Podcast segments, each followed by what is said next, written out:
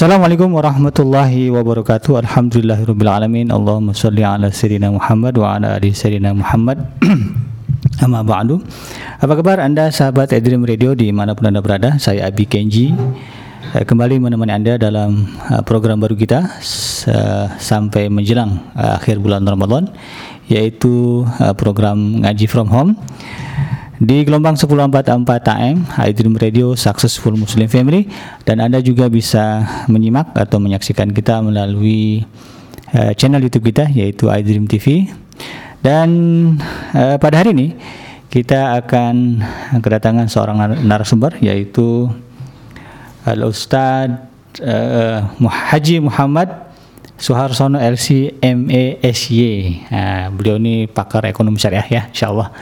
Dan untuk uh, edisi kali ini kita akan membahas tema yaitu tahun dalam kebaikan dan takwa. Jadi uh, sekali lagi di hari ini kita akan mengundang uh, atau kita akan mendengarkan tausiah paparan nasihat dan juga uraian uh, kajian dari narasumber kita yaitu Haji Alusad Haji Muhammad Suharsono LC MASY dan beliau akan membahas dan atau menguraikan tema kita pada petang hari ini yaitu tahun dalam kebaikan dan takwa.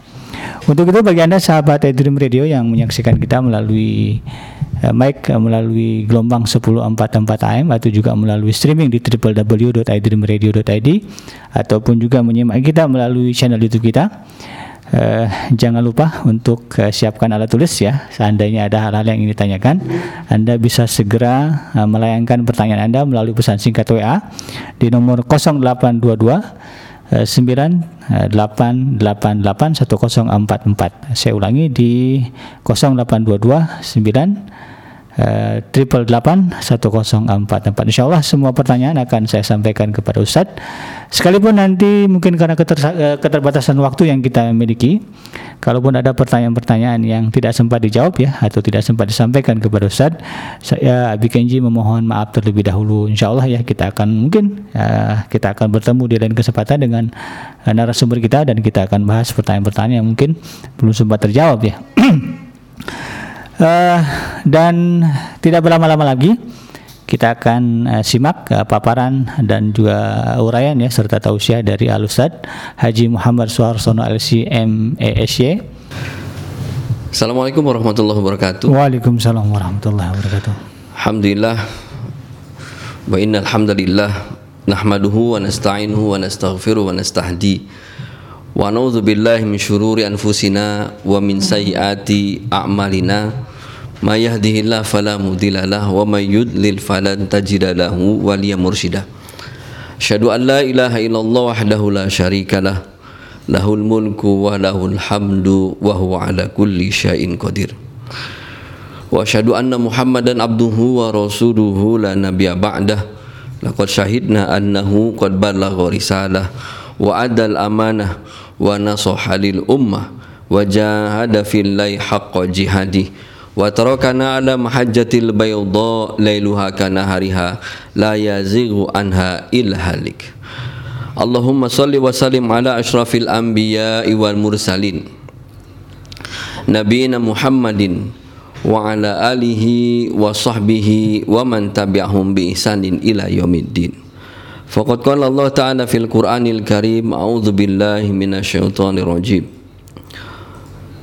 وتعاونوا على البر والتقوى ولا تعاونوا على الإثم والعدوان واتقوا الله إن الله شديد العقاب.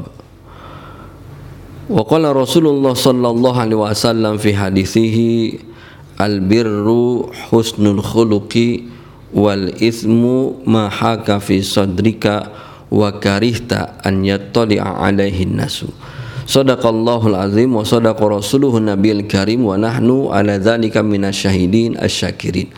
Amma ba'du. Ikhwatiman yang dirahmati Allah Subhanahu wa taala,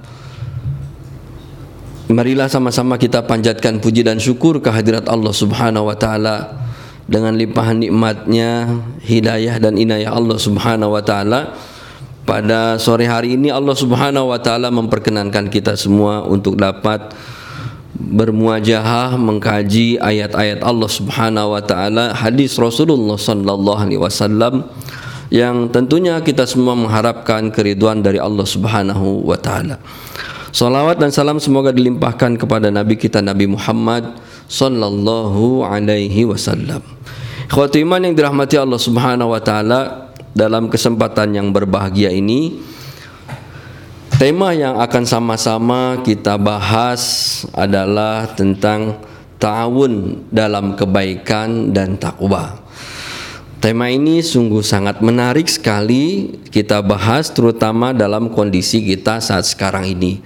Di tengah sama-sama kita merasakan bagaimana Allah Subhanahu wa taala menguji kita dengan uh, adanya wabah uh, pandemi virus corona saat ini. Dan tentunya kita semua berharap berdoa kepada Allah Subhanahu wa taala mudah-mudahan Allah Subhanahu wa taala memberikan kesehatan walafiat kepada kita semua menyelamatkan kita semua dari uh, terinfeksi virus corona ini dan mudah-mudahan Allah Subhanahu wa taala tentunya memberikan kesabaran kepada kita semua.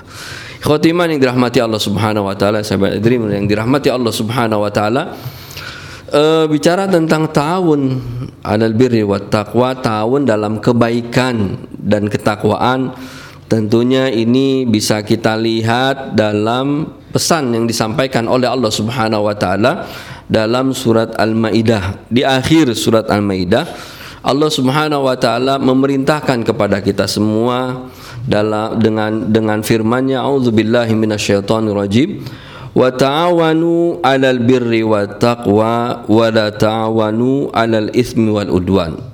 Al ayah. Allah sampaikan kepada kita ta'awanu 'alal birri wat taqwa.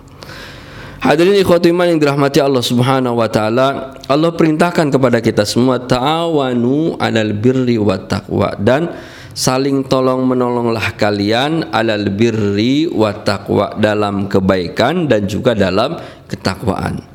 Ikhwati iman yang dirahmati Allah Subhanahu wa taala, kalau kita baca baca dalam Al-Qur'an, kita pelajari dalam Al-Qur'an kalimat atau perintah Allah Subhanahu wa taala yang mengajak kita untuk saling tolong menolong dalam kebaikan dan takwa, tolong menolong kebaikan dan takwa. Ini kita lihat ini ayat yang yang dalam dari 114 surat dan 30 juz satu-satunya ayat yang berbicara tentang mengajak kita, memerintahkan kita untuk saling tolong menolong dalam kebaikan dan dalam ketakwaan. Padahal ikhwatiman yang dirahmati Allah Subhanahu wa taala eh, kebutuhan kita terhadap sesama kita untuk saling penolong, tolong menolong itu besar. Tapi Allah Subhanahu wa taala memberikan pesan itu dalam satu-satunya ayat yaitu di surat Al-Maidah ayat kedua ini. Dan perintah Allah ini setelah Allah perintahkan kita semua orang-orang dengan sebelumnya perintah-perintah yang lainnya.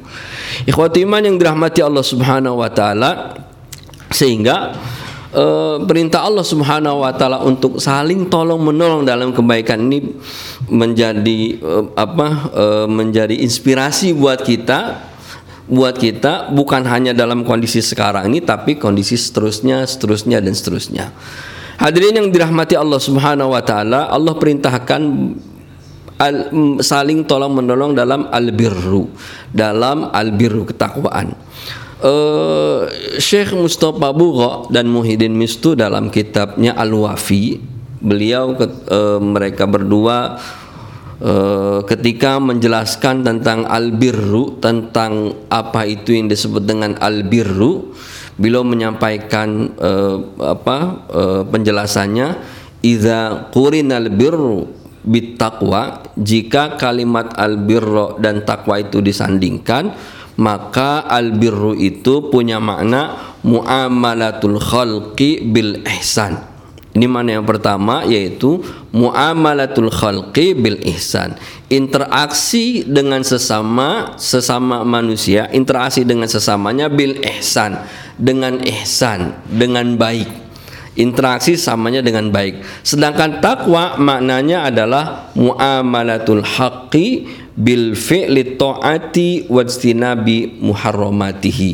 Takwa itu adalah kita berinteraksi dengan Allah Subhanahu wa taala dengan melaksanaan ketaatan kepada Allah dan juga menjauhi larangan-larangan Allah Subhanahu wa taala atau melaksanaan ketaatan menjauhi yang diharamkan.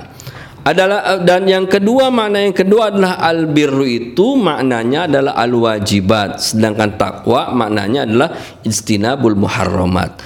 Albirru itu artinya semua kewajiban-kewajiban yang diwajibkan Allah kepada kita sementara takwa itu maknanya adalah menjauhi semua hal yang diharamkan Allah pada kita semua.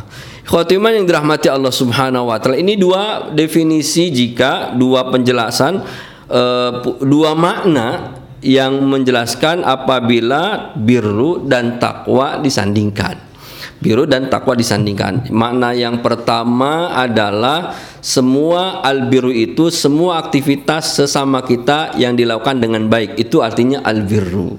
Itu artinya albiru. Sementara takwa ini lebih kepada hubungan kita dengan Allah Subhanahu wa taala.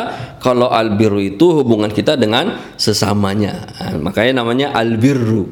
Dan kita sering mendengar istilah albiru itu uh, dalam berinteraksi dengan kedua orang tua kita disebut dengan birrul walidain berbuat baik terhadap orang tua kita uh, ini yang yang ya ini makna albirru yang per, yang pertama yang uh, me, jika disandingkan dengan at-taqwa. Ini penting kita ketahui agar kita jelas mana yang uh, apa uh, al biru itu makna biru itu apa takwa apa lalu tolong menolongnya seperti apa Ikhwatiman yang dirahmati Allah Subhanahu wa taala, kalau kita pelajari surat Al-Baqarah ayat 177 Surat Al-Baqarah ayat 177 itu Allah juga menjelaskan kepada kita semua tentang al-birru.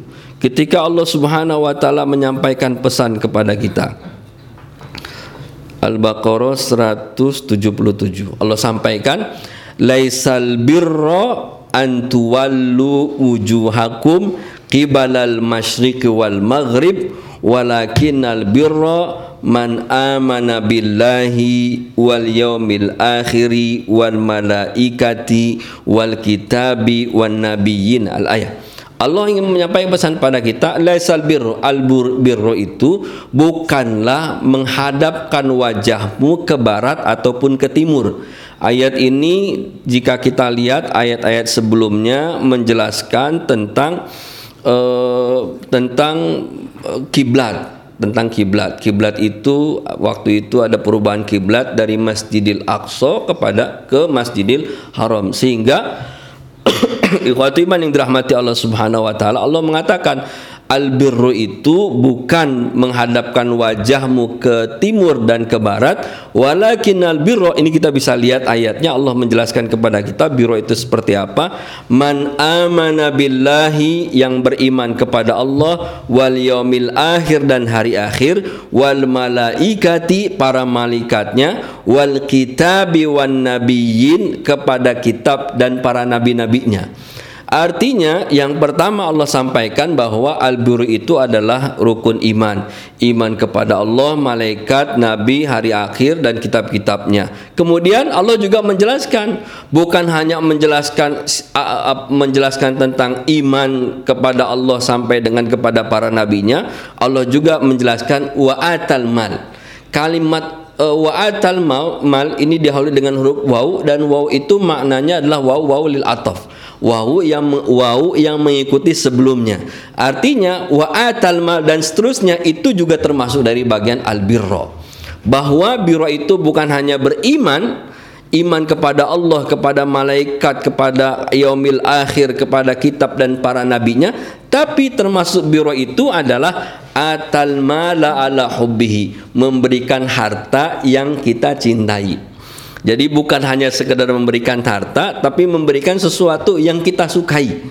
Kepada siapa? dzil qurba zawil qurba wal yatama wal masakin wabnas wabnas sabili wasailina wa firriqab ini para uh, sasaran dari pendistribusian harta tersebut. Memberikan harta yang kita sukai jadi harus dari harta yang kita sukai.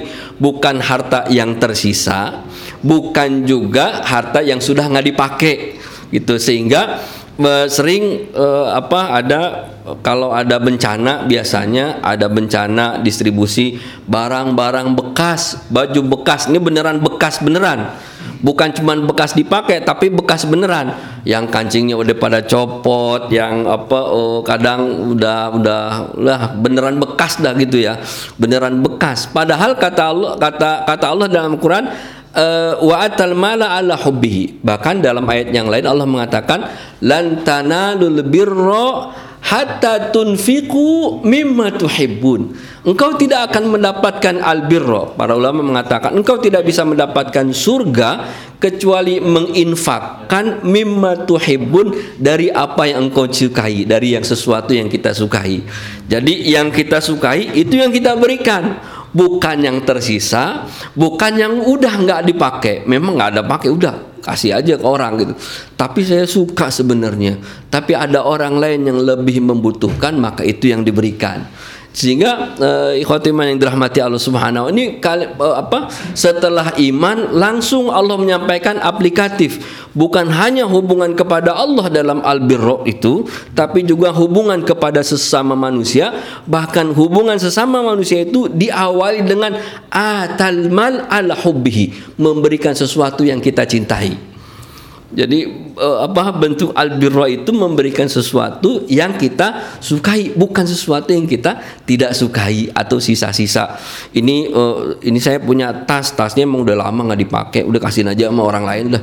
Saya punya baju, bajunya emang udah nggak pakai atau bajunya udah nggak muat, bajunya mungkin karena WFH sekarang nih. zamannya WFA ya, zamannya work from home gitu. Yeah. Akhirnya semua jadi bukan cuman uh, nama apa apa uh, nah, jadi nambah berat badan yang berakibat baju-baju pada nggak muat. Hmm. Ini udah nggak muat bajunya kasih ke orang lain, bukan. Yeah, yeah. Tapi memang kita suka dengan barang-barang ini gitu. Hmm. Termasuk manusia itu suka dengan uang. Disebutkan bahwa manusia itu yuhibbunal mala hubban jama. Orang itu cinta pada harta dengan cintanya itu apa? Uh, cinta banget gitu, cinta buta gitu. Hmm. cinta buta. Memang walaupun cinta itu memang buta, tapi mencintai harta itu luar biasa. Hmm. Mungkin nggak, tapi nggak boleh disebut mencintai membabi buta ya. Karena babi nggak buta aja haram, apalagi gimana babi buta kan yeah, lebih haram lagi tuh itu. Ikhwatimah yang dirahmati Allah Subhanahu wa taala, hmm, cintanya luar biasa karena kita suka juga dengan harta tersebut. Hmm. Tapi kata kata Allah wa atal mana maka kita sisihkan sebagainya kepada orang yang membutuhkan dan ini sudah dicontohkan oleh uh, para sahabat Rasulullah SAW dan juga para sahabatnya ketika hijrah dari Mekah ke Madinah. Ini kan contoh yang uh, kalau kita lihat dalam surat Al-Hasyr itu luar biasa.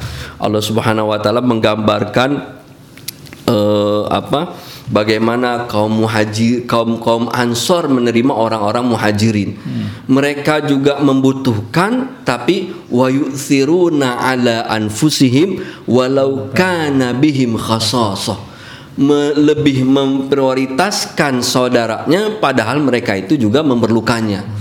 Ini tingkat level albirro pak. Ini, ini namanya albirro ini le, level apa ukhuwah yang paling tinggi itu al isar Terkadang, terkadang ketika kita bicara isar, si kita suka melihat orang lain belum isar, kenapa saya harus isar gitu.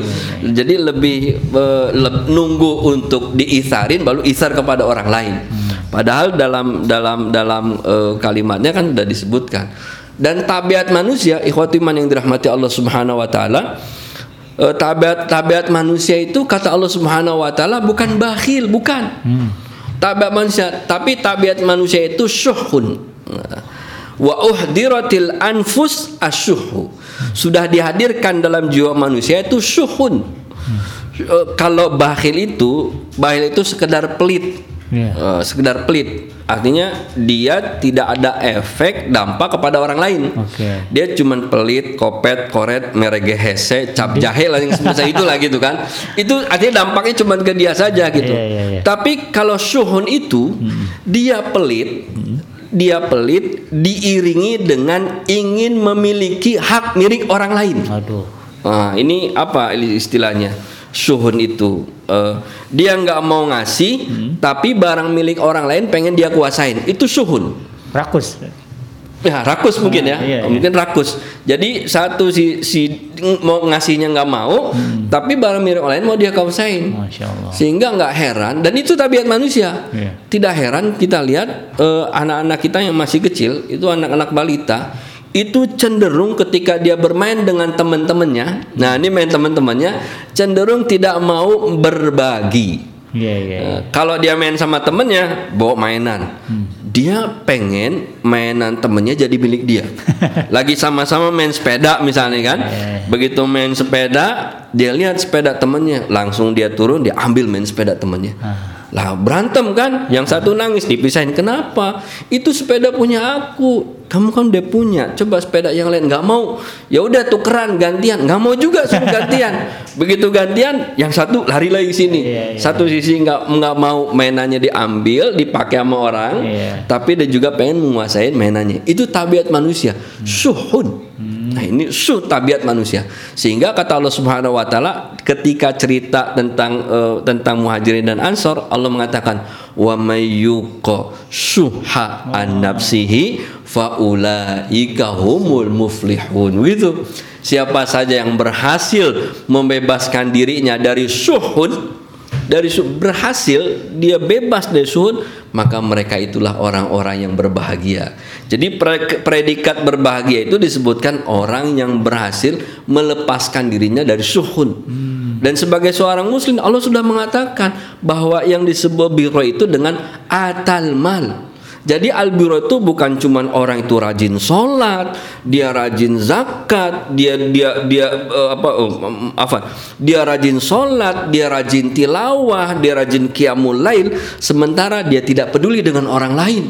Dia tidak peduli dengan tetangganya, dia tidak peduli dengan saudaranya, dia tidak peduli dengan lingkungannya. Begitu lockdown, lockdown beneran, hmm. tutup semua pintu, dia nggak mau ngasih sama orang lain. Hmm seolah-olah dia bisa hidup dengan sendirian. Hmm. Tapi Allah menyampaikan yang disebut birro itu engkau beriman kepada Allah, para malaikat, hari akhir kitab Nabi. Yang pertama Allah katakan atal mala ala hubhi memberikan harta yang terbaik kepada siapa zawil kurba yang pertama kepada kerabat kemudian wal yatama kepada anak yatim wal masakin kepada orang miskin wabna sabil dan juga ibnu sabil wasailin dan orang yang minta-minta wafir riqabi dan hamba sahaya.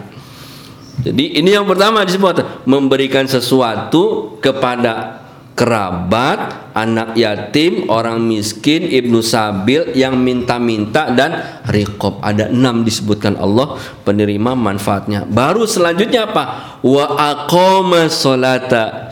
Khatiman yang dirahmati Allah Subhanahu wa taala. Jadi setelah tentang iman keyakinan kalau kita mau sih ya namanya Allah kalau Allah mau setelah kamu iman kepada Allah sampai kepada Nabi lalu tuntutan apa sholat dong tapi Allah tidak mengatakan sholat duluan. Allah mengatakan dulu atal mala ala hubbihi. Hak orang lain ditunaikan lebih dahulu. Setelah itu apa? Wa aqama sholata engkau mendirikan sholat. Wa ataz zakata dan menunaikan zakat. Wal mufuna bi ahdihim idza ahadu dan menunaikan janji jika engkau berjanji. Jadi mendirikan sholat itu hak siapa? Hak Allah Subhanahu wa taala, kewajiban sebagai hambanya. Zakat, zakat itu hak Allah. Kewajiban hambanya. Jadi zakat itu bukan uh, apa bu, bu, bukan kewajiban seseorang kepada amil tapi zakat zakat itu adalah kewajiban seseorang kepada Allah Subhanahu wa taala kewajiban seorang pada Allah Subhanahu wa taala menunaikan janji. Kalau yang pertama itu aktivitas ibadah kaitannya dia dengan Allah Subhanahu wa taala. Yang kedua disebutkan az-zakat. Zakat itu seseorang beribadah kepada Allah dengan cara berzakat tapi berdampak kepada efek sosial masyarakat.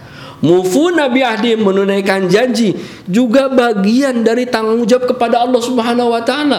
Orang janji itu bukan hanya antara dia dengan seseorang yang dia janjikan, tapi janji itu hakikatnya dia kepada Allah Subhanahu wa taala. Sehingga siapa pun yang sudah berjanji, maka tanggung jawabnya nanti di yaumil kiamah dengan Allah Subhanahu wa taala. Lalu disebutkan al itu wasabirina fil ba'sa'i wa hinal ba's. Ini ayat yang bagus sekali kalau kita tadaburi. Ini sering kita baca tapi memang ini keunikan Al-Qur'an. Sering dibaca begitu ditadaburi ada aja sesuatu yang baru. Ditadaburi lagi ada ilmu lagi, ditadaburi lagi ada ilmu lagi dan ini menunjukkan bahwa Al-Qur'an ini lautan ilmu yang tidak pernah bertepi samudranya luas sekali sehingga begitu kita baca ada lagi. Sehingga Allah mengatakan wasabirina fil ba'sa'i wadhara ini juga tepat buat kondisi sekarang. Orang-orang yang sabar fil ba'sa wadhara ba's. Dalam keadaan sempit maupun dalam keadaan apalagi dalam keadaan sulit. Membuat orang itu sabar. Uh, Ikhwatiman yang dirahmati Allah Subhanahu wa taala kalau bicara sabar ini luar biasa memang. Sabar itu bukan sesuatu yang yang uh, dia sesuatu yang mudah diucapkan tapi uh, aplikasinya ini perlu perjuangan. Jadi orang nggak bisa tiba-tiba dia jadi orang sabar, enggak. Karena tabiat sabar itu adalah sesuatu eh, sabar itu melakukan aktivitas sesuatu yang bertentangan dengan hawa nafsunya pengennya sih nggak mau begini tapi harus seperti ini. Pengennya sih tidur malam-malam tuh enak pulas sampai subuh. Tapi Allah bilang yang enak itu malam-malam bangun. Maka dia sabar dalam ketaatan. Pengennya nggak ada wabah tenang-tenang. Mau nyambut Ramadan apalagi bisa beli sirup kapan aja bisa beli tajil di mana aja. Tapi Allah bilang wasabirina fil ba'sa wa wa sudah sabar bukan sesuatu yang mudah.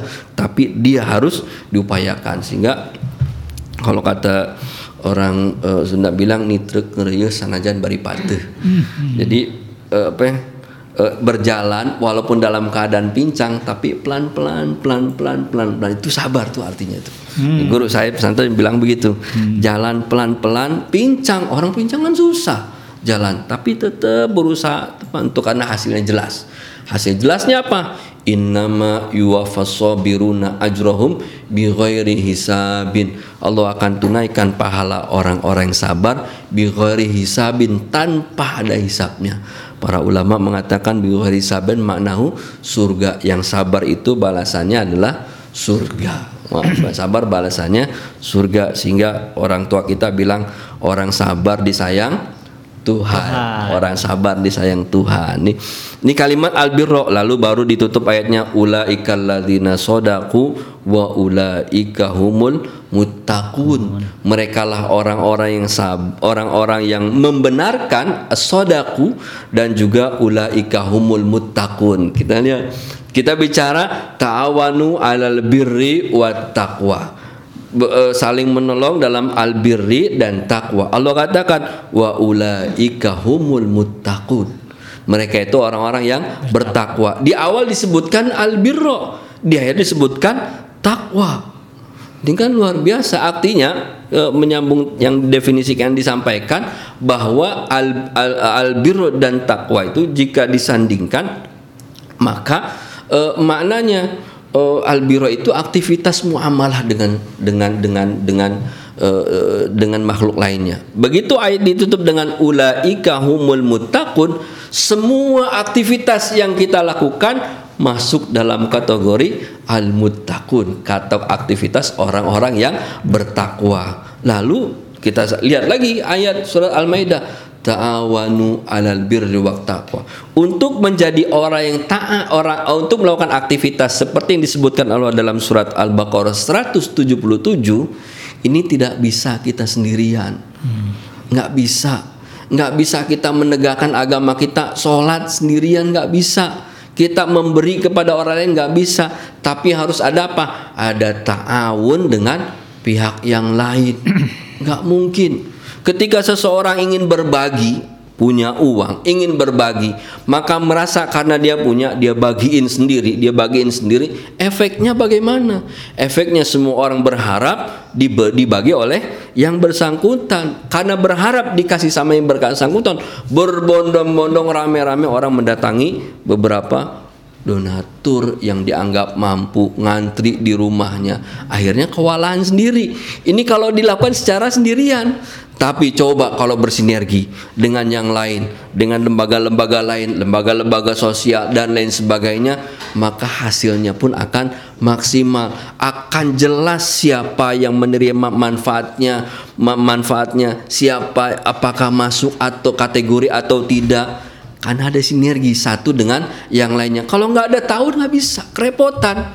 Kita pengen ngasih, tapi karena merasa kita mampu, akhir kerepotan sendiri. Tapi kalau kita berbagi tahun dengan pihak yang lain, maka hasilnya menjadi maksimal. Sehingga Allah katakan setelah laisa, menyebutkan laisal birra ditutup ayatnya ulaika humul muttaqun bahwa aktivitas yang dilakukan orang-orang tadi yang didefinisikan sebagai albirra itulah aktivitas orang-orang yang bertakwa. Artinya aktivitas takwa kepada Allah Subhanahu wa taala. Ini jenis albirra. Ini kata apa albirra yang disebutkan Allah dalam surat Al-Baqarah ayat 177. Lalu ada lagi hadis Nabi Shallallahu alaihi wasallam yang menjelaskan tentang albirra. Uh, Nabi SAW menjelaskan dalam hadisnya tentang albirra Nabi menyampaikan ketika ditanya apa itu albirra Nabi menjelaskan albir albirru husnul khuluqi albirru husnul khuluqi albirru itu adalah husnul khuluq. Birru itu baik apa bagusnya akhlak. Jadi tidak disebutkan aktivitas satu-satu. Uh, dan yang disebutkan Allah dalam surat Al-Baqarah 177 bukan berarti hanya ini saja yang disebut dengan birru. Ada banyak lagi. Nabi menyampaikan hadisnya bahwa al-birru itu husnul khuluq. Berarti semua akhlak yang akhlak yang baik itu adalah al-birru Sementara al-ismu, nah, ini kalau dalam Al-Maidah disebutkan lagi ta'awanu 'alal birri wat taqwa wa la ta'awanu 'alal ismi wal udwan. Al-ismu kata Nabi, Nabi tidak mengatakan dosa itu seperti apa, tapi Nabi menyampaikan dosa itu adalah mahakafi sodrika wa karihta an yattali'a alaihin nasu. Sesuatu yang tersembunyi dalam hatimu dan engkau takut sesuatu itu diketahui oleh orang lain. Itu artinya dosa. Jadi tidak menyebutkan dosa itu eh, apa eh, engkau melakukan aktivitas A aktivitas B aktivitas C. Atau disebutkan dosa itu suul khuluq. Enggak. Tapi Nabi dalam sekali mendefinisikannya. Dosa itu adalah engkau suul apa sesuatu yang tersembunyi di dalam hatimu dan tidak mau diketahui oleh orang lain sehingga kalau uh, ada iman di dalam hati kita ketika seseorang itu berbuat dosa, maka biasanya dia gelisah. Orang yang beriman itu ketika berbuat dosa dia gelisah. Sehingga uh, dalam uh, satu riwayat disebutkan bahwa yang disebut dengan uh, apa? Idza sarratka hasanatuka wa sa'atka sayyi'atuka fa anta mu'min kalau aktivitas kebaikan itu membuat engkau bahagia dan aktivitas keburukan itu membuat engkau menjadi sedih, maka engkaulah mukmin sejati.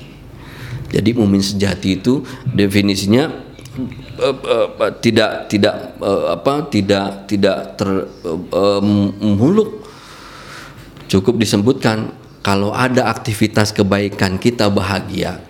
Lalu perbuatan dosa kita menjadi sedih maka kita menjadi mukmin sejati. Kita lihat apakah dengan aktivitas kebaikan ini kita sudah bahagia? Sholat lima waktu udah bahagia apa belum? Jangan-jangan sholat waktu lima waktu ini kita lakukan uh, ya menunaikan menggugurkan kewajiban saja. Di masjid pun uh, kalau nggak dengan teman-teman ya di rumah saja atau sekedar uh, contreng dalam uh, aktivitas uh, yomiah kita saja gitu. Uh, kalau hal yang rutin itu biasa-biasa saja, berarti harus dievaluasi bagaimana tingkat keimanan kita. Tapi begitu merasakan nikmatnya sholat, indahnya sholat, merasakan nikmatnya tilawah. Nah, nikmatnya tilawah berarti kita merasakan nikmatnya berbuat baik kepada Allah. Nikmatnya berbuat baik, nikmatnya aktivitas kebaikan. Nikmatnya aktivitas kebaikan. Begitu tilawah kita rasakan enak itu tilawah. Nah, itu berarti sudah bahagia dengan tilawah kita berarti kita mukmin. Kalau baru baca udah ngantuk-ngantuk, nah ini biasanya godaan baca Quran itu begitu. Memang godaan godaan Quran itu ngantuk. Godaan itu ngantuk sehingga dia kiamah nanti Al-Qur'an akan menjadi syafaat. Minta sama Allah kata Al-Qur'an bahwa dia sudah menahan ngantuknya maka aku izinkan aku memberikan syafaat kepada dia. Gitu. Jadi Al-Quran gitu. Sehingga kalau kita baca Quran merasa bahagia berarti kita ini seorang mukmin. Khawatiman yang dirahmati Allah Subhanahu wa ini tentang albirru albiru dan takwa. Lalu kita lihat lagi dalam Al-Qur'an banyak ayat-ayat Allah Subhanahu wa taala yang menjelaskan kepada kita, menghimbau kita untuk memperbanyak melakukan perbuatan baik memperbanyak melakukan perbuatan baik. Misalnya Allah Subhanahu wa taala menyampaikan pesan kepada kita dalam surat Al-Hajj. Dalam surat Al-Hajj, ini surat Al-Hajj di ayat e, sebelum ayat yang terakhir. Surat Al-Hajj ini bisa kita lihat surat Al-Hajj di ayat ke 77. 77. Allah menyampaikan Ya ayyuhalladzina amanu ya ayyuhalladzina amanu irka'u wasjudu wa'budu rabbakum waf'alul khaira la'allakum tuflihun. Allah sebutkan tuh. Ya, wahai orang yang beriman, irka'u wasjudu. Ruku dan sujudlah. Lihat, ruku dan sujud bagian dari aktivitas sholat. Allah nggak bilang ya ayyuhalladzina amanu aqimu sholat. Tapi Allah sebutkan ya ayyuhalladzina amanu ruka'u wasjudu. Pada ruku dan sujud adalah bagian dari surat ini urgensi tentang sholat. Kemudian wa'budu rabbakum beribadahlah kamu kepada Rob kalian sholat itu ibadah bukan ibadah tapi Allah ingin menyampaikan Sholat itu ibadah dan banyak aktivitas-aktivitas ibadah yang lainnya. Wa'budu rabbakum disebutkan waf'alul khaira. Waf'alul khaira dan lakukanlah if'alu al khaira, aktivitas kebaikan. Kalau al birra itu semua aktivitas kebaikan, Allah tegaskan sholat ibadah ditambah waf'alul khaira perintah ditutup ayatnya la'allakum tuflihun agar kalian menjadi orang yang berbahagia. Ini perintah dari Allah Subhanahu wa taala. Lalu kalau kita sudah melakukan perbaik eh, apa melakukan perbuatan baik maka Allah juga ingin menyampaikan pesan kepada kita bahwa perintah Allah untuk sholat, untuk beribadah, untuk melakukan perbuatan al khairiyah, perbuatan baik, perbuatan baik ini efeknya, dampaknya, asarnya bukan bagi Allah. Allah nggak penting manusia itu sholat, manusia itu ibadah, manusia itu berbuat baik nggak penting buat Allah Subhanahu Wa Taala. Allah katakan yang akan merasakan manfaat dari aktivitas tersebut adalah kalian wahai orang yang beriman.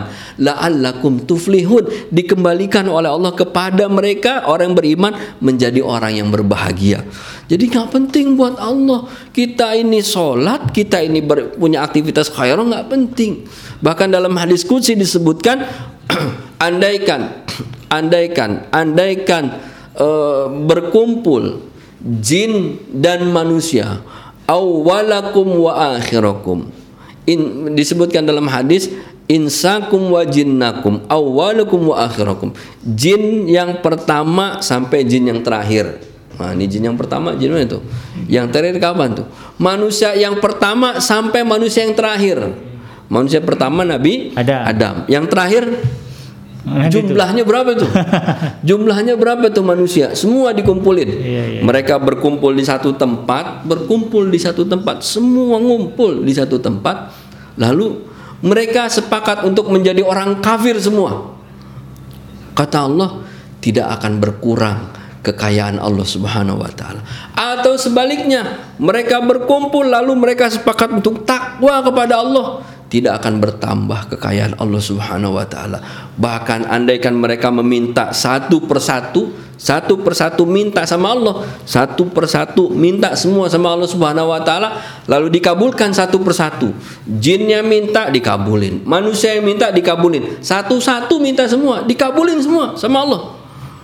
Kata Allah, tidak akan berkurang tidak akan berkurang kekayaan Allah Subhanahu wa taala. Sesungguhnya yang demikian itu seperti jarum yang jatuh di tengah lautan. Sahabat yang dirahmati Allah Subhanahu wa taala, jarum. Ini jarum jangankan jatuh di tengah laut nih. Jatuh di tengah rumah aja, masya Allah. Nyarinya luar biasa. Jarum ini di tengah laut, bisa kita bayangkan tuh kekuasaan Allah, kekayaan Allah seperti apa kan? Padahal udah dikabulin berapa jumlah populasi manusia sekarang? 6 miliar. 6 miliar lebih. 6 miliar, 7 miliar kan? Iya. Semua dikabulin permintaannya. Masya Allah. Ditambah sama dari masa Nabi Adam sampai masa-masa sebelumnya. Dikabulin semua. Kan? Ini kita mau ngajuin proposal aja kan belum semuanya dikabulin. uh, ngajuin aja belum tentu dikabulin. Begitu dikabulin pun nggak bisa semua. Tapi Allah ngabulin semua bisa. Sehingga Allah mengatakan setelah perintah waf'alul khair dalam ayat di lain disebutkan in ahsantum ahsantum li anfusikum. Jadi kebaikan kita itu akan kembali kepada kita sendiri. Setelah diperintahkan berbuat baik, berbuat baik, berbuat baik, maka dikembalikan bahwa kebaikan itu akan kembali kepada dirimu juga. Nah, ini luar biasa Allah berpesan sehingga ada seorang kawan pernah cerita. Jadi eh, ada tukang beca hmm. dulu tukang beca. Tukang beca ini uh, uh, ya tukang beca dia dia ingin banget sedekah. Tapi nggak punya apa-apa. Ingin banyak sedekah tapi nggak punya apa-apa. Karena ingin sedekah nggak punya apa-apa akhirnya apa? Di hari Jumat dia bertekad akan menggratiskan semua yang naik beca. naik beca. Masya Allah. Kan tukang beca itu punya tekad menggratiskan semua yang naik becanya dia. Pada hari Jumat itu. Setiap hari Jumat. Hari Jumat itu. Akhirnya sampailah pada seseorang ibu naik becanya dia. Begitu sampai apa oh, ditanya berapa jumlahnya, dia nggak mau dibayar. Hmm. Ditanya, "Kenapa Bang nggak mau dibayar?" Diceritain. Saya ini orang yang nggak punya, tapi saya pengen sedekah saya pengen sedekah. Saya nggak punya uang buat sedekah. Makanya saya bertekad siapa pun yang naik becak saya hmm. hari Jumat saya gratisin becak Masya Allah. Ibu ini di tengah jalan kepikiran tuh. Begitu sampai ibu itu malu. Setengah nangis dia cerita bang abang ini nggak punya apa-apa. Apa yang dilakukan abang ini punya inspirasi buat saya Akhirnya apa? Dia bilang karena abang sudah membuat inspirasi saya untuk berbuat baik, maka saya hadiahkan abang untuk berangkat umroh gratis. Masya Allah, berangkat umroh gratis, berangkat umroh gratis. Dia nggak ketika berbuat baik dia tidak berharap bahwa dia akan mendapatkan hadiah umroh enggak. Dia cuma mau bersedekah dan semangat sedekahnya ini luar biasa yakin bahwa in ahsantum ahsantum li anfusikum. Hal jazaul ihsani illal ihsan. Tidak ada kebaikan kecuali dibalas oleh Allah dengan kebaikan. kebaikan. Dan semangat ini memang terwariskan sejak zaman Rasulullah Shallallahu Alaihi Wasallam, di mana para sahabat yang miskin, sahabat yang miskin itu berkumpul di di di Madinah berkumpul kebanyakan mereka orang muhajirin datang kepada Rasulullah. Seolah-olah protes bahwa dirinya di uh, tidak sama dengan orang yang lain. Sehingga dia uh, menyampaikan perasaannya. Mungkin bukan protes kali ya. Menyampaikan perasaannya kepada Nabi Shallallahu Alaihi Wasallam. Ya Rasulullah jaa ahlud dusuri bil ujur. Wahai Rasulullah Orang-orang kaya tuh enak, mereka banyak pahalanya. Hmm. Wahum yusalluna kama nusolli wa yasumuna kama nasum. Mereka bisa sholat seperti kami sholat. Mereka juga bisa bisa puasa seperti kami puasa wa yatasaddaquna nabi fuduli amwalihim. Mereka bisa sedekah dengan kelebihan harta mereka. Mereka ingin bilang kepada Rasulullah, ya Rasulullah kami ini nggak bisa sedekah, nggak ada yang lebih-lebih acan. Udah pas, apalagi dalam kondisi sekarang ini gimana mau sedekah mau ini aja udah cukup, udah susah. Sehingga mereka menyampaikan, padahal lagi sulit mereka menyampaikan pesan itu kepada Nabi. Kemudian Nabi menjawab, keinginan sedekah mereka seolah jadi orang miskin itu tidak bertanya kepada Nabi ya Rasulullah kenapa kami miskin sementara yang lain kaya enggak bukan mempermasalahkan mereka miskin dan yang lain kaya tapi yang mereka, mereka permasalahkan kenapa yang lain bisa banyak pahala kami nggak bisa banyak pahala? Yang lain bisa sedekah kami nggak bisa sedekah dan Nabi Shallallahu Alaihi Wasallam begitu hikmah bijak memberikan jawaban kepada para sahabat dengan jawaban afikul litasbihatin sodako wa kulli tahmidatin sodako wa kulli tahlilatin sodako wa kulli takbiratin sodako bukankah setiap tasbih tahmid tahlil takbir itu juga sedekah? Ketika kita baca subhanallah walhamdulillah wa la ilaha illallah wallahu akbar. Dihitung sebagai sedekah. Zikirnya dikategorikan sebagai sedekah tapi hadis ini jangan disalahartikan. Bagi orang yang kaya, justru hadis ini punya keutamaan. Yeah. Yang pertama, orang kaya bisa sedekah dengan kelebihan hartanya, hmm. orang kaya bisa sedekah dengan zikirnya. Jangan sampai orang kaya bilang, "Ya udah kita sedekah sama zikirnya aja dah." Nah, itu berarti masih masuk kategori tadi itu. Bukan sekedar bakhil jangan-jangan tapi suhun nah itu e, berbahaya kalau lihat hadis yang tadi setelah Nabi mengatakan tasbih zikir itu sedekah bahkan Nabi menutup hadisnya dengan aktivitas uh, uh, apa uh, dengan dengan menyampaikan wa fi ahadikum sedekah dan berhubungan suami istri juga sedekah. sedekah. Nah, ini luar biasa. Ikhwatiman yang dirahmati Allah Subhanahu wa taala. Ini mau Ramadan ini. uh, ikhwatu iman yang dirahmati Allah Subhanahu wa taala sehingga karena aktivitas kebaikan kembali kepada kita maka kita akan bersemangat melakukan aktivitas kebaikan tersebut iya. dan jangan pernah mengecilkan sedikit pun kebaikan yang dilakukan oleh orang lain sehingga Nabi menyampaikan pesan la tahqironna minal ma'rufi syai'an walau antalqa wajah akhaka biwajhin toliqin jangan pernah meremehkan menganggap kecil kebaikan sedikit pun. Kebaikan apa pun nggak boleh dianggap kecil. Walaupun engkau bertemu saudaramu dengan wajhin toliqin dengan wajah yang berseri-seri. Wajhin tolik jadi uh, ketemu sama uh, teman sama saudara sama rekan kerja dengan wajah yang berseri-seri Hmm. Jadi begitu ketemu, eh apa kabar, gimana kabarnya gitu kan. Hmm. Cuman kalau sekarang wajahnya berseri-seri itu ketutupan masker kali ya. ketutupan masker. Yeah. Tapi ya, sambutan hangat kepada saudara itu mengembirakan saudara yang lain. Rekan-rekan sekalian dirahmati Allah Subhanahu wa taala.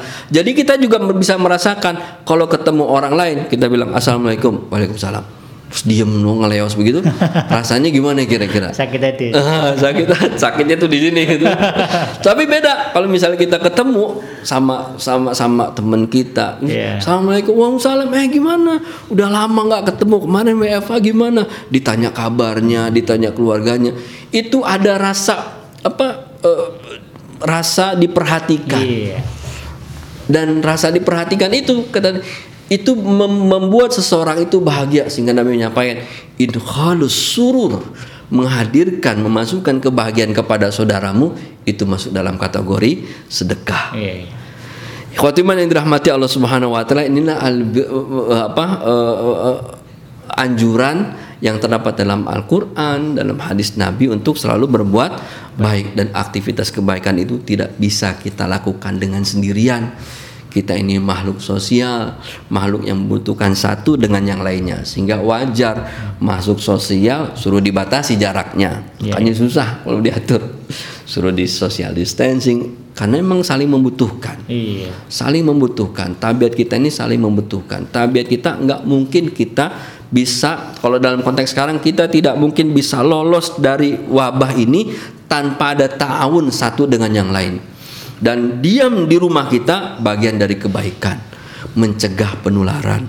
Sehingga itu masuk dalam kategori ta'awanu alal birri wa taqwa. Ikhwatiman yang dirahmati Allah Subhanahu wa taala inilah uh, yang dapat saya sampaikan. Mudah-mudahan dari apa yang disampaikan tadi ada manfaatnya khususnya bagi saya pribadi, umumnya bagi uh, sahabat sekalian. Wallahu a'lam. Baik, uh, terima kasih Jazakallah khair Ustaz atas uh, paparan materi atau uraiannya terkait dengan tema kita pada hari ini yaitu ta'awun dalam kebaikan dan takwa. Uh, banyak ya hal yang Ustadz paparkan tadi dan ternyata juga ini menimbulkan banyak pertanyaan Ustaz.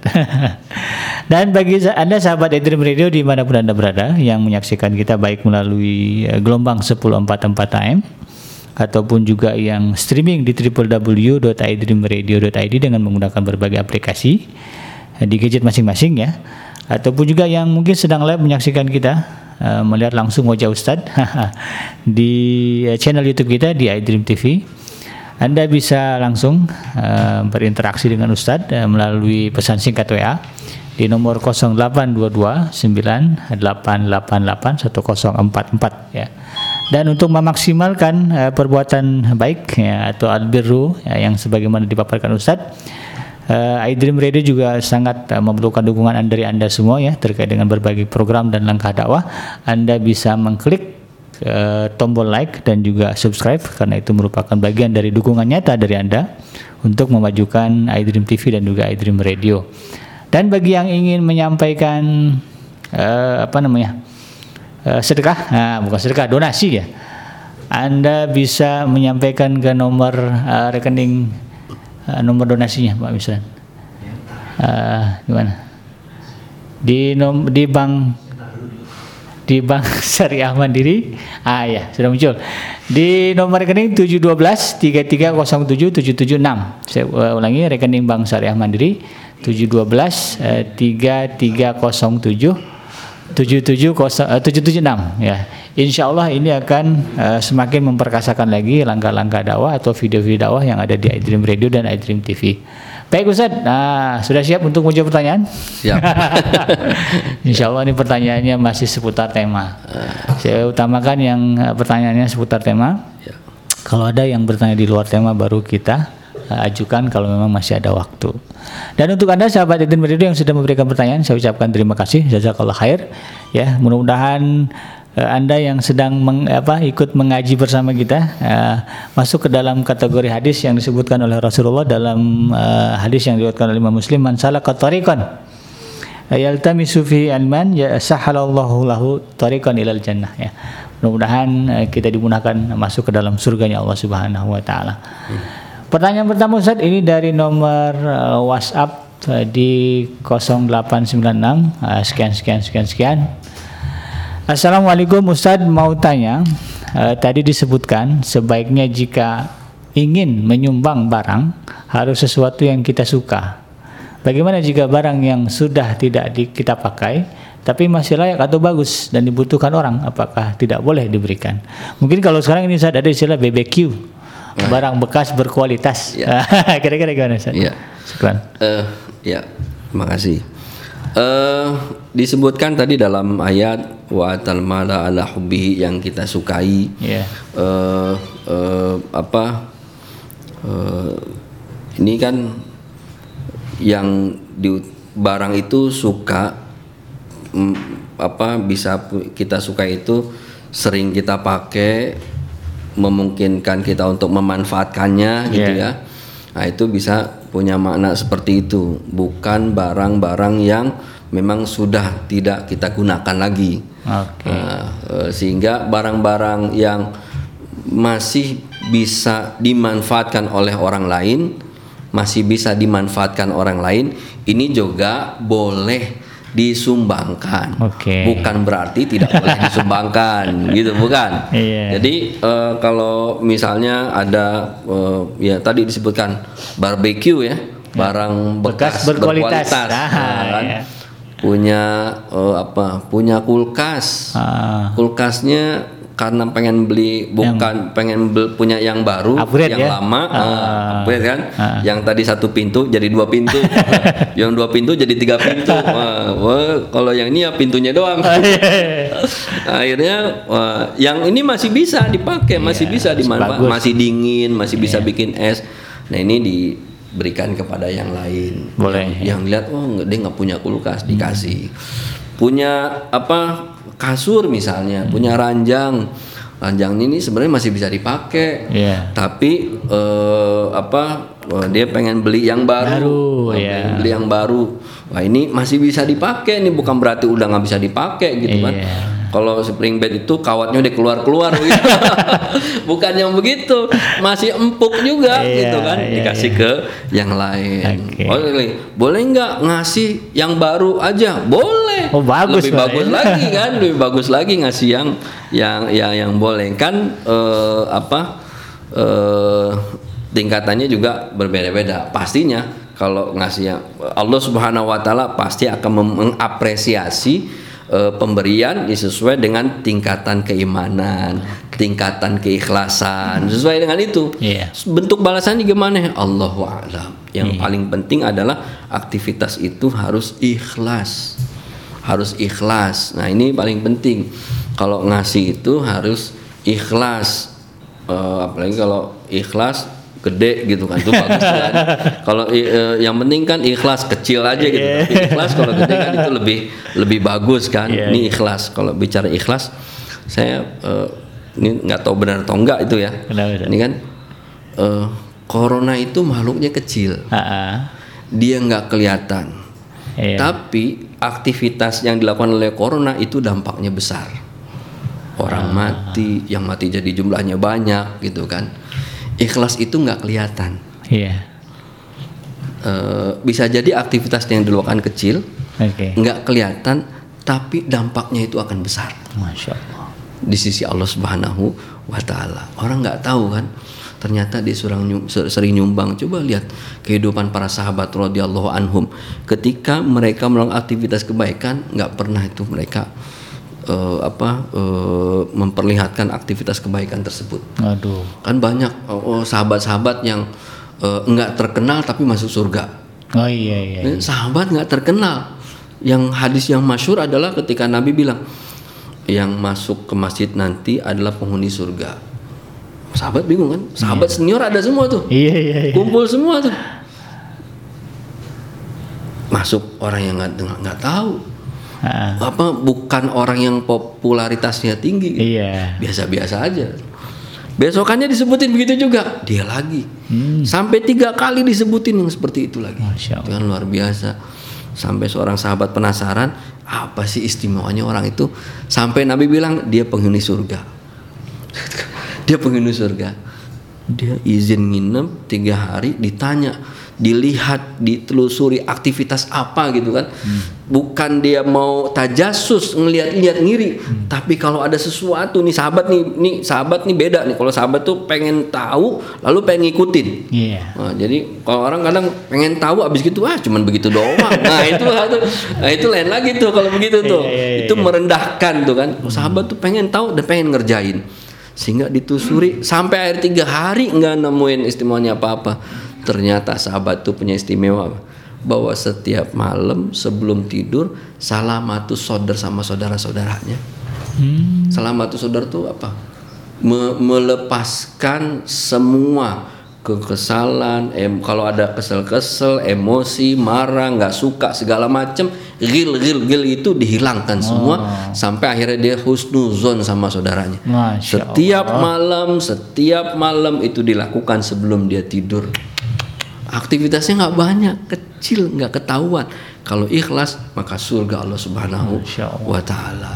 Ya, Ini kan aktivitasnya itu yang seperti itu.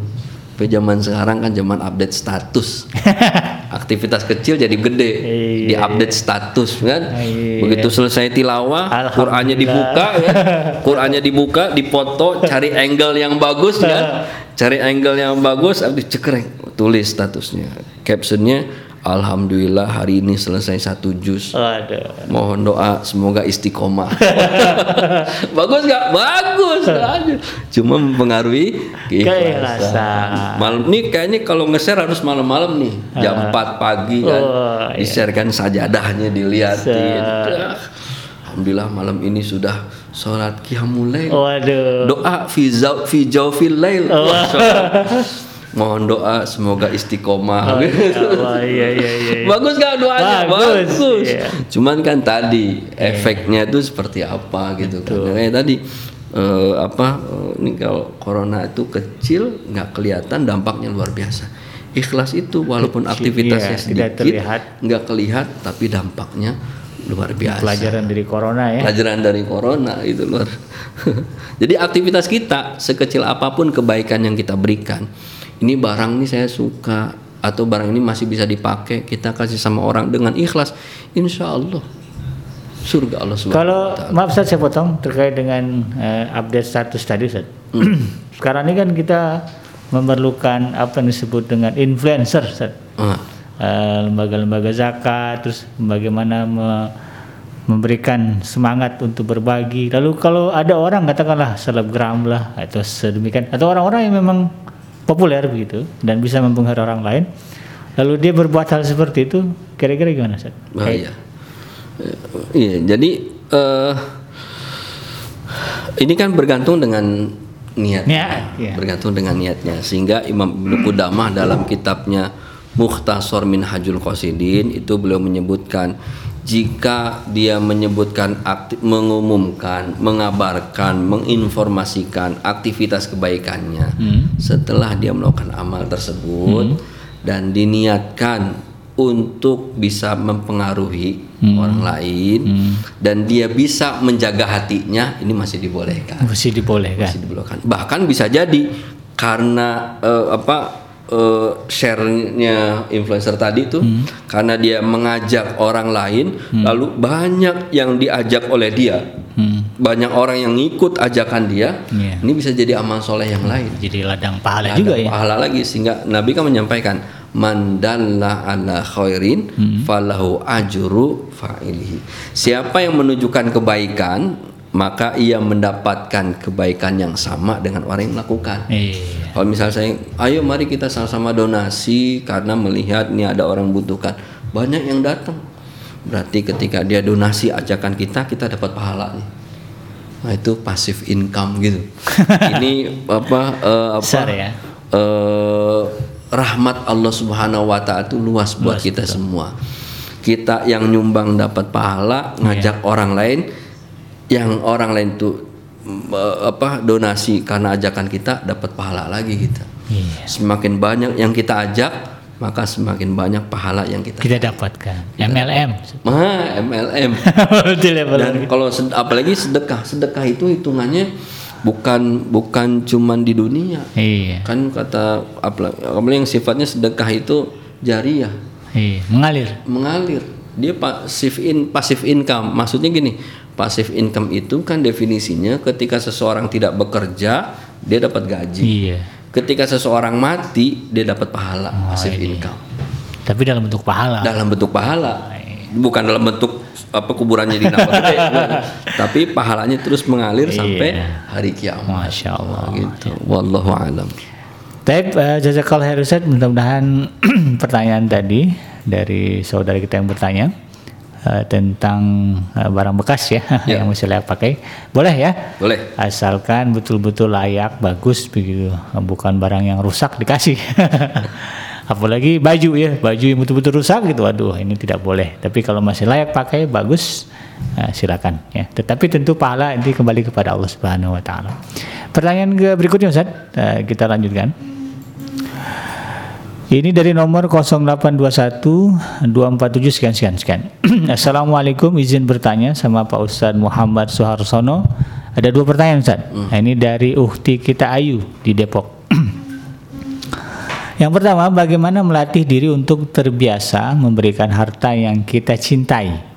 Nah, itu bagaimana melatihnya Ustaz? Wah, ini kayaknya perlu eh, apa nih contoh pengalaman begitu ya.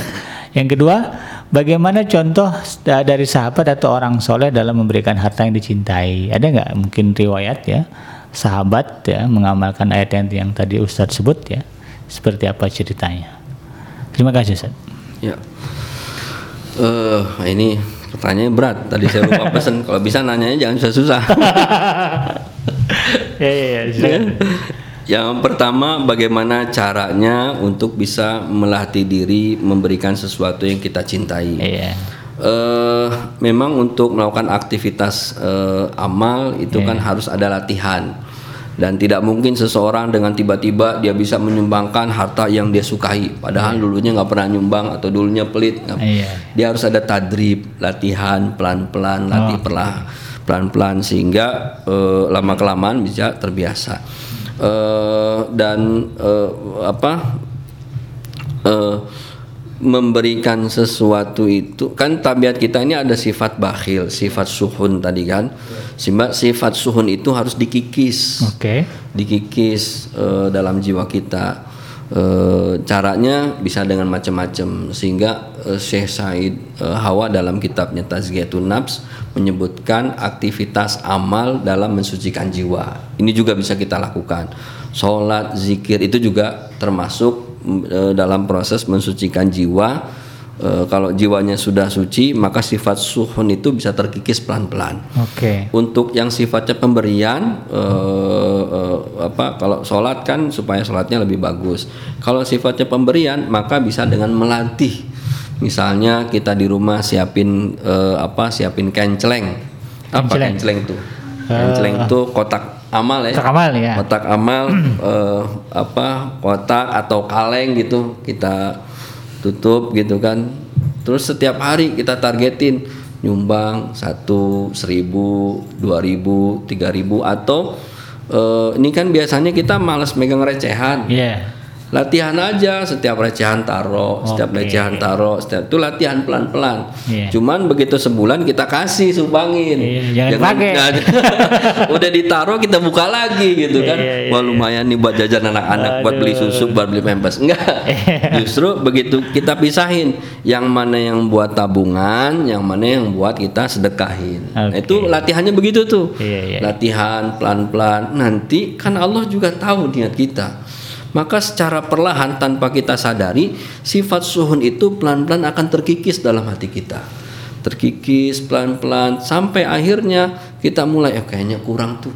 Kalau udah biasa begitu begitu dengar ada orang yang butuh dikit langsung sensitif. Apa eh, bukan sensitif langsung peka. Iya. Oh ada orang ini nih peka. Bawaannya pengen nyumbang langsung muncul peka tuh. Pengen ngasih pengen apa ngelihat orang itu sedih hati kita. Apa yang bisa kita bantu buat dia itu enggak secara tidak sadar akhirnya kita rasakan seperti itu tapi kalau misalnya ada orang butuh ini ada orang butuh ada orang perlu kita biasa-biasa aja nah itu kita harus banyak istighfar Hmm. Jangan-jangan memang hati kita udah udah udah tertutup sehingga orang lagi butuh apa juga biasa-biasa aja. Udah mati rasa. Oh, udah mati rasa. Nah, itu berbahaya itu. Iya. Harus banyak istighfar, banyak tobat gitu kan. Dan caranya bisa begitu. Pelan nyumbang seribu, dua ribu nanti tingkatin. Bulan ini tiga bulan pertama sekian ditargetin. Nanti tiga bulan kedua berapa, tiga bulan ketiga berapa, sampai akhirnya nggak kerasa eh, sifat suhun itu hilang. Setelah hilang maka kita akan mudah memberikan yang terbaik yang kita miliki buat orang lain. Ini mungkin yang yang eh, yang pertama. Karena kan tingkat keimanan kita bukan sama dengan tingkat keimanan sahabat. Oh, iya, jauh? Wah, tingkat keimanan sahabat udah luar biasa. Iya. Nah, ini yang kedua nih. Sahabat itu begitu pas hijrah hijrah ke Madinah, orang muhajirin yang dari Mekah itu nggak bawa apa-apa. Hmm. Dia dulunya punya usaha, punya toko, dagang segala macam, punya oh, kebun segala macam, punya garapan di Mekah gitu, ditinggalin semua. Hmm. Dia datang ke Madinah nggak punya apa-apa. Iya. Sehingga Nabi mempersaudarakan sahabat-sahabatnya satu dengan yang lainnya. Setiap sahabat tadi saya sebutkan dalam surat Al-Hasyr wa yu'thiruna ala anfusihim Walau kana kana khosos. Karena dia punya rumah. Hmm. Maka eh, apa sahabat dari Ansar tuh nggak bilang ini rumah saya ada tiga kamar. Nanti kamu nempatin kamar yang itu aja ya. Bukan begitu. Iya. Tapi begitu saya punya rumah seperti ini cari bagian mana yang engkau suka dan Masya aku Allah. sisanya wah ini luar biasa Iya, oh ini apa tingkatnya itu dari tingkat Dewa. oh, Tingkat dewa. setengah dewa ya manusia tingkat dewa itu Iya. cari gitu kan datang ke pasarnya ke sawahnya ini yang ini yang eh, tanaman mana lahan mana yang kau suka pilih dan aku yang menjadi sisanya Allah. bahkan di antara mereka ada yang punya istri lebih dari satu Oh, istri Ustaz ya? istri Wah, pilih mana yang engkau suka aku ceraikan dia dan nikahkan Masya Allah. nah ini kan eh, kisah yang luar biasa Iya, iya. inspirasinya dan menurut saya itu eh, kita perlu latihan lah untuk sampai pada tingkat Iya. seperti itu gitu kan. Kita punya motor nih bagus-bagus satu-satunya. Tapi ya ada yang nggak punya motor wah kita itu luar biasa tuh. Luar biasa. Wah ini gimana nih kalau dikasih kita perlu kalau nggak dikasih gimana gitu Iya, kan? iya, paling tidak paling tidak kita mengupayakan saudara kita ini bisa teratasi semua permasalahannya. Paling tidak itu kita nggak bisa ngasih tapi apa yang bisa kita berikan kontribusi yang kita berikan untuk saudara kita itu yang harus kita lakukan sebenarnya nah itu kali wallahu alam Iya, iya. mudah-mudahan terjawab Ah, iya iya. Mudah-mudahan ya untuk eh, Ukti eh, Ayu di Depok bisa puas dengan jawaban Ustadz. Jadi kalau belajar atau melatih diri yang mulai dari yang kecil lah. Kalau di dalam dompetnya ada pecahan 2000, pecahan 20000, pecahan 100000. Nah kalau masih berat yang 100 ribu, yang 20 ribu lah. Tapi kalau berat yang 20 ribu juga ya sudah yang 2000 dulu ya. Tapi nanti ditingkatkan, Ustadz ya? Iya, Nah, betul, Seperti betul. itu. Baik, kita lanjutkan Ustadz ke penanya berikutnya. Saya ingatkan lagi nih sahabat Edrim sekalian, bagi yang ingin eh, bertanya, Anda bisa melayangkan pertanyaan melalui pesan singkat WA di nomor 082298881044 akan langsung saya sampaikan saat ini juga kepada Ustadz. Nah, mudah-mudahan eh, unek-uneknya terkait dengan eh, apa yang tidak dipahami dalam materi yang disampaikan oleh Ustadz kita eh, bisa dijawab langsung eh, sehingga nggak kepikiran eh, pas tidur gitu. Kita lihat Ustaz. ya, masih penanya dari nomor wah ini dari eh, Akhirus Noto Rosidin di nomor WhatsApp 0859 sekian, eh, sekian sekian sekian sekian ya. Afwan Ustaz mau bertanya perbedaan apa perbedaan antara albir dengan hasanah? Nah, dari sudut bahasa Ustaz ya. Hmm. Ya. Silakan. Masya Allah. Eh, albirru dengan hasanah. Eh, kalau ini punya apa ya? Saya belum meneliti sih sejauh mana perbedaan albirru dengan dengan hasanah ya. Cuman dalam buku eh, Al-Wafi itu disebutkan itu albirru muamalatil khalqi bil ihsan. Kaitannya itu aja. Biru itu interaksi dengan sesama, bil ihsan dengan baik. Hasanah itu lebih kepada apa ya? Si masdar ya, si masdar itu apa? eh, kata benda ya. Jadi eh, apa al- eh, apa ya ngebedainnya? Yang jelas bahwa disebutkan definisinya itu kalau kita mau berinteraksi dengan orang dengan berbuat baik itulah albirru. Jadi al, eh, apa? Albirru itu hasanah itu kan terjemahnya kebaikan ya. Ter- Terjemahnya kebaikan. Kalau albirru itu kan aktivitas berbuat baik. Aktivitas berbuat baik sehingga eh, eh, apa?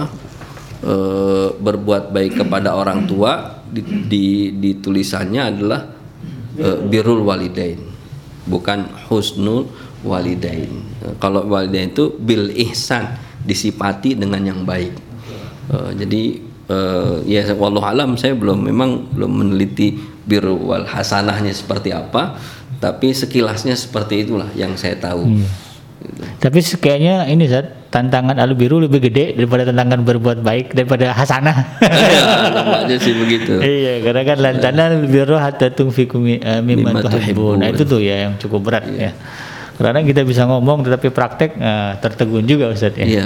Tapi mudah-mudahan lah kita diberikan kekuatan Amin. Amin. untuk uh, bisa memenuhi uh, kriteria kriteria albirru yang Iya. digariskan oleh Allah Subhanahu wa taala. Cuma kalau mau eh, eh, tadi kan aktivitas. Iya. Kalau di doa kita kan Robbana atina Fid fid dunya dunya hasanah. Ah, berarti eh, minta sama Allah di- diberikan kebaikan hasanah itu Iya. di dunia hasanah fil akhirah. Ah. Kalau nggak sebutin dengan birru, gitu. Iya. birron, nah, berarti saya rasa sih ada makna yang lain. Ya ini mungkin eh, sama yang belajar eh, linguistik kali ya. Iya bahasa ya. Belajar linguistik lah mungkin bisa ditelusuri. Oke. Walau alam saya nggak bisa jawab secara rinci. Nah, baik Ustaz. Perbuatan biru hasanah. Insya Allah nanti kalau ada tema eh, terkait dengan tafsir bahasa ya mungkin tafsir bahasa bahasa Al-Quran eh, bisa dibahas. Tapi eh, jawaban dari Ustaz Insya Allah mudah-mudahan bisa memuaskan dari penanya kita tadi ya dari mana ya tadi Eh, Akhir Rusnoto Rosidin. Kita lanjut Ustaz ke pertanyaan ini orang jauh Ustaz, tapi alhamdulillah rutin eh, mengikuti kajian kita secara online. Masya Allah. Ini dari Jerman. Masya Allah. Hmm, Ukti Anissa. Assalamualaikum, jazakumullah khairan atas kajiannya Ustaz. Dan bagaimana cara menyampaikan kebaikan atau nasihat yang disarankan? Itu pertanyaan eh, pertama. Dan bagaimana menerima kebaikan atau nasihat terkadang karena penyampaian kebaikan itu jadi kita tidak bisa menerima nasihat dan mungkin caranya kurang ihsan sehingga untuk menerima nasihat yang baik itu agak susah. Nah, kira-kira gimana tipsnya nah, menghadapi situasi seperti itu? Jadi bagaimana cara menyampaikan kebaikan yang disarankan dan bagaimana pula cara kita menerima Kebaikan. nasihat ya, kebaikan atau nasihat yang diberikan? Ya, eh, yang pertama bagaimana kita menyampaikannya, Iya. menyampaikannya. Yang kedua kita menerimanya. Ini eh, eh, dalam menyampaikan kebaikan ini menyampaikan itu bisa dalam bentuk mengajak. Ini ada aktivitas kebaikan, kita ajak pihak-pihak tertentu untuk ikut bersama kita berpartisipasi dalam melakukan aktivitas kebaikan tersebut. Yang semangatnya semangat tahun birri wa taqwa.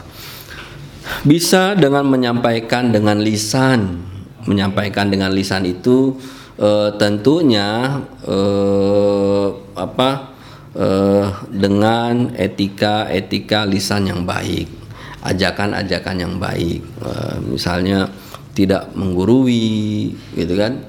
Ini kan ngajak orang supaya nyumbang, nyumbang dong. Masa orang kaya masih nggak mau nyumbang sih? Wah, kira-kira kalau orang kaya digituin, eh, walaupun dia biasa nyumbang gitu kan, dia nggak dia mau nyumbang tuh bisa batal tuh. Iya, mikir-mikir ya. Dia mikir, karena tadi tuh cara kita juga nggak pas Iya. Nah, dengan lisan yang tadinya udah mau ngasih ente pasti banyak nih nyumbangnya nih kan itu orang kaya masa cuma sedikit nih wah itu udah batal tuh Iya. itu udah udah nggak nggak nyaman tuh kan Iya, iya. apalagi begitu ngeliat share-sharean di apa di grup misalnya Nah. tolong dong yang kaya berikan perhatian kepada Masya gua tuh Allah, ya. kayak yang yang lain nggak ada perhatiannya gitu kan nah itu kan eh, sebenarnya caranya jadi salah Iya. iya. Sem- eh, apa eh, maksudnya baik caranya salah Iya. seperti eh, apa ada dulu ada ada video itu saya lihat seekor kucing ingin apa apa ada seekor binatang yang menyelamatkan ikan Heeh. yang eh, terdampar gitu kan dengan cara apa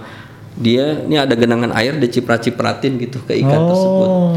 kira-kira jadi solusi nggak tuh Iya, iya. Nggak jadi jadi nolong juga harus dengan cara yang bagus Betul. akan lebih bagus yang di eh, apa adalah dengan eh, eh, apa lisanul hal dengan aktivitas langsung.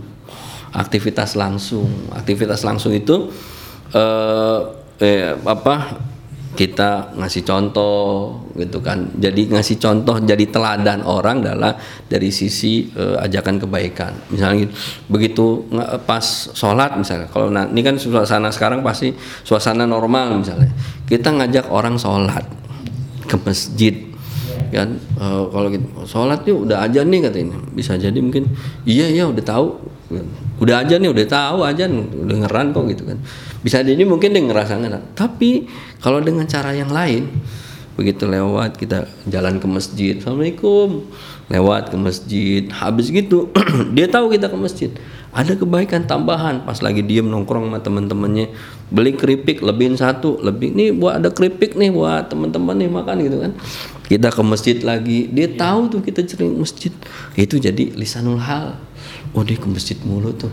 Kayaknya jadi terbawa untuk semangat ke masjid. Nah, itu lisanul hal. Nah, itu bisa bisa dengan lisanul qaul kita sampaikan atau juga dengan hal. Kalau sekarang memang e, ter, ada pola bukan lisanul qaul, lisanul hal, lisanul kitabah gitu. Oh, cara WA.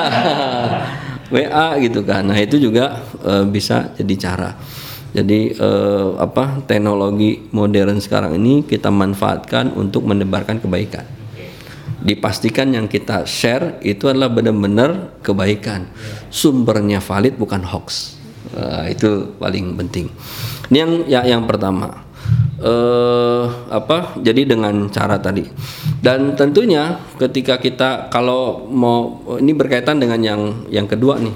Kita nggak mau nerima kalau dikasih masukan sama orang gitu kan kita nggak mau nerima kalau dikasih mau dan biasanya begini orang itu tidak mau menerima masukan itu karena beberapa hal bisa jadi karena caranya misalnya dia ditegur di depan orang banyak nah itu malu tuh Nah, itu nggak boleh tuh. Yeah. Sehingga kalaupun tahu dia salah, hmm. sebisa mungkin jangan tegur di depan orang banyak. Yeah. Apalagi ditegur di depan jamaahnya.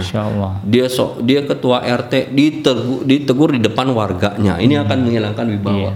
dan pasti akan tidak akan mau menerima saran-saran kita. Hmm. Sehingga nasihat juga ada adab-adabnya. Okay. Sampaikan secara individu di wapri e, kalau pakai WhatsApp mah di yeah, japri yeah. atau didatangi di silaturahimi dan lain sebagainya. Uh, sehingga ini bisa berdampak menerimanya. Kemudian yang ke yang yang kedua supaya kita bisa menerima, kita harus merasa bahwa diri kita ini bukan manusia yang sempurna. Hmm. Diri kita ini masih butuh, masih memerlukan masukan dari orang lain. Jangan menganggap bahwa kita ini sudah maksimal, sudah sudah merasa apa baik hmm. di depan Allah Subhanahu wa taala. Karena orang yang bersyukur kepada Allah Subhanahu wa taala itu selalu merasa dirinya kurang, bukan selalu merasa dirinya baik. Iya, iya. Ini bisa kita lihat dalam sejarah sahabat radhiyallahu anhum. Umar bin Khattab tuh kurang kurang luar kurang apa sebenarnya? Iya. Uh, Nabi menyampaikan Umar bin Khattab itu dijamin masuk surga. Jelas tuh. Hmm. Dijamin masuk surga. Dia setelah Abu Bakar Umar bin Khattab dijamin masuk surga tapi apakah Umar merasa bahwa dia yang pasti masuk ke surga? Enggak. Hmm. Justru Umar datang kepada Huzaifah Ibnu Yaman. Huzaifah yang mekati musirni. Catatan-catatan rahasia dari Nabi itu ada di Huzaifah. Datang kepada Huzaifah dia bilang Huzaifah, coba cek di daftar orang munafik ada nggak nama Umar bin Khattab di dalamnya. Luar biasa. Padahal dijamin masuk surga. Hmm tapi masih merasa seolah dirinya munafik. Padahal uh, aktivitas amalnya, sedekahnya luar biasa. Beliau ini gara-gara karena sholat jamaah terlambat. Ini bukan nggak sholat, bukan. Terlambat. Terlambat berjamaah. Jadi begitu dia mau, dia sibuk di ladangnya. Begitu mau ke masjid, orang udah bubar. Langsung ini gara-gara kebun ini, gara-gara kebun ini, saya telat sholat, sedekahkan semua kebunnya sedekahan semuanya. Ini kan tapi ya jangan juga yang punya toko satu-satunya. Begitu dia to, telat sholat gitu ini gara-gara toko ini sedekahin tokonya terus dia mau mais aja banyak harus seimbang juga memahaminya gitu saya. Ini harus dipahami secara utuh juga gitu. Jadi kembali bahwa Umar bin Khattab tuh nggak pernah merasa bahwa dirinya itu selalu merasa dirinya kurang. Jadi Uh, supaya kita bisa menerima nasihat orang lain maka kita harus merasa bahwa saya ini bukan apa-apa. Nahnu fuqara indallah. Kita ini ilmunya nggak ada apa-apanya dibandingkan yang lainnya. Jadi melihat orang itu bukan melihat kekurangannya. Iya. justru sebaliknya melihat diri kita sebab kurang begitu melihat orang lain yang lebih tua subhanallah orang itu usianya lebih tua banyak sekali amal soleh yang dia lakukan. Sementara saya nggak seberapa dengan dia. Begitu lihat anak kecil ya Allah ini anak kecil dosanya nggak ada dibandingkan saya yang udah gini. Dosanya banyak sama dia. Jadi begitu orang tua nasihatin kita kita terima. Karena kita merasa kita perlu dinasihati begitu ngeliat anak kecil dia juga ngasih masukan kita juga terima. Karena kita merasa oh kita juga perlu masukan dari yang lebih muda gitu. Jadi uh, harus harus seperti itu. Terkadang yang membuat kita nggak mau nerima itu ya, uh, ada rasa al kibru di dalam hati kita. Ada rasa sombong di dalam hati kita. Merasa sudah sempurna merasa sudah yang lainnya. Uh, dan hal itu uh, uh, apa uh, kalau tidak kita bersihkan kita hilangkan ini menjadi uh, sebab gagalnya kita masuk ke dalam surga Allah Subhanahu wa taala.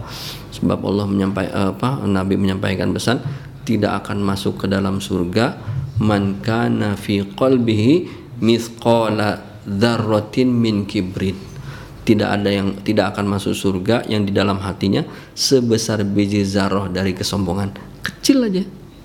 Zarah kecil tapi sombong terhalang masuk surga. Nauzubillah. Saya kira itu mungkin jadi supaya bisa menerima kita harus merasa bahwa diri kita ini perlu menerima masukan eh, atau bisa jadi nggak mau menerima itu bisa jadi eh, kita ada perasaan terhadap orang tertentu itu nggak nyaman Wah, saya tahu lah dia siapa, udah mau ngasih masukan. Nah itu, nah ini ada apa? Ada faktor hati lagi nih, sehingga harus jagalah hati. Demikian, wallahu alam. Baik, uh, baik mudah-mudahan uh, jawaban tadi bisa memuaskan uh, pertanyaan dari Ukti Anissa di Jerman. Uh, terima kasih sudah uh, aktif ya di dalam pengajian-pengajian online yang uh, diadakan di iDream Radio melalui program ngaji from home. Dan uh, sebelum uh, saya tutup set mohon uh, closing statement kalau ada nasihat atau pesan-pesan yang akan disampaikan kepada uh, sahabat iDream Radio ya apalagi kita mau Ramadan set ya. uh, terkait dengan tahun ini silakan set. Ya. Uh, baik uh, sahabat Aidil Melodi yang dirahmati Allah Subhanahu wa taala. Uh, Allah Subhanahu wa taala menyampaikan pesan kepada kita untuk senantiasa saling membantu, saling menolong dalam berbuat kebaikan dan juga dalam berbuat taat. Peluang kita untuk melakukan perbuatan baik baik itu banyak. Peluang kita untuk takwa juga besar, apalagi menjelang datangnya bulan Ramadan. Uh, maka uh, apa kita harus memaksimalkan peluang bulan Ramadan tersebut uh, agar bisa memperbanyak aktivitas-aktivitas albirru. Kalau kita lihat Ramadan itu yang wajib itu dua, puasa dan bayar zakat. Sementara yang yang dianjurkan itu lebih banyak daripada yang diwajibkan yang dianjurkan lebih banyak dari yang diwajibkan. Dan aktivitas yang dianjurkan ini adalah bagian dari aktivitas albirru. E, sehingga e, mari sama-sama kita memanfaatkan aktivitas atau peluang aktivitas kebaikan tersebut di bulan suci Ramadan. Apalagi nanti Ramadan nanti ini Ramadan yang berbeda yang sangat berbeda dengan Ramadan Ramadan sebelumnya. Bisa, kita e, bisa jadi akan lebih banyak di rumah ya sehingga ini bisa kita manfaatkan untuk membina diri kita, membina keluarga kita secara kolektif, secara kolektif bersama-sama dan mudah-mudahan Allah Subhanahu wa taala memberikan taufik kepada kita semua untuk dapat melakukan tolong menolong dalam kebaikan dan dalam ketakwaan. Demikian wallahu alam bisawab. Assalamualaikum warahmatullahi wabarakatuh. Waalaikumsalam warahmatullahi wabarakatuh. Baik sahabat Edrim Radio yang dirahmati Allah Subhanahu wa taala, kita sudah berada di ujung acara. Namun jangan lewatkan berbagai program lain yang ada di iDream Radio yang kita siarkan di gelombang 1044 AM dan juga streaming di www.idreamradio.id. Terima kasih eh, terima kasih atas uh, kebersamaan kita ya dan juga terima kasih atas tombol like dan juga tombol uh, subscribe-nya. Uh, saya tutup siaran saya di uh, kesempatan kali ini dengan membaca doa uh, dengan membaca alhamdulillah alhamdulillahirabbil alamin dan saya Abi Kenji beserta segenap kru yang bertugas memohon dibukakan pintu maaf yang sebesar-besarnya. Subhanaka Allahumma rabbana wa bihamdika asyhadu an la ilaha illa anta Astaghfiruka wa atubu ilaik. Billahi taufiq wal hidayah. Wassalamualaikum warahmatullahi wabarakatuh.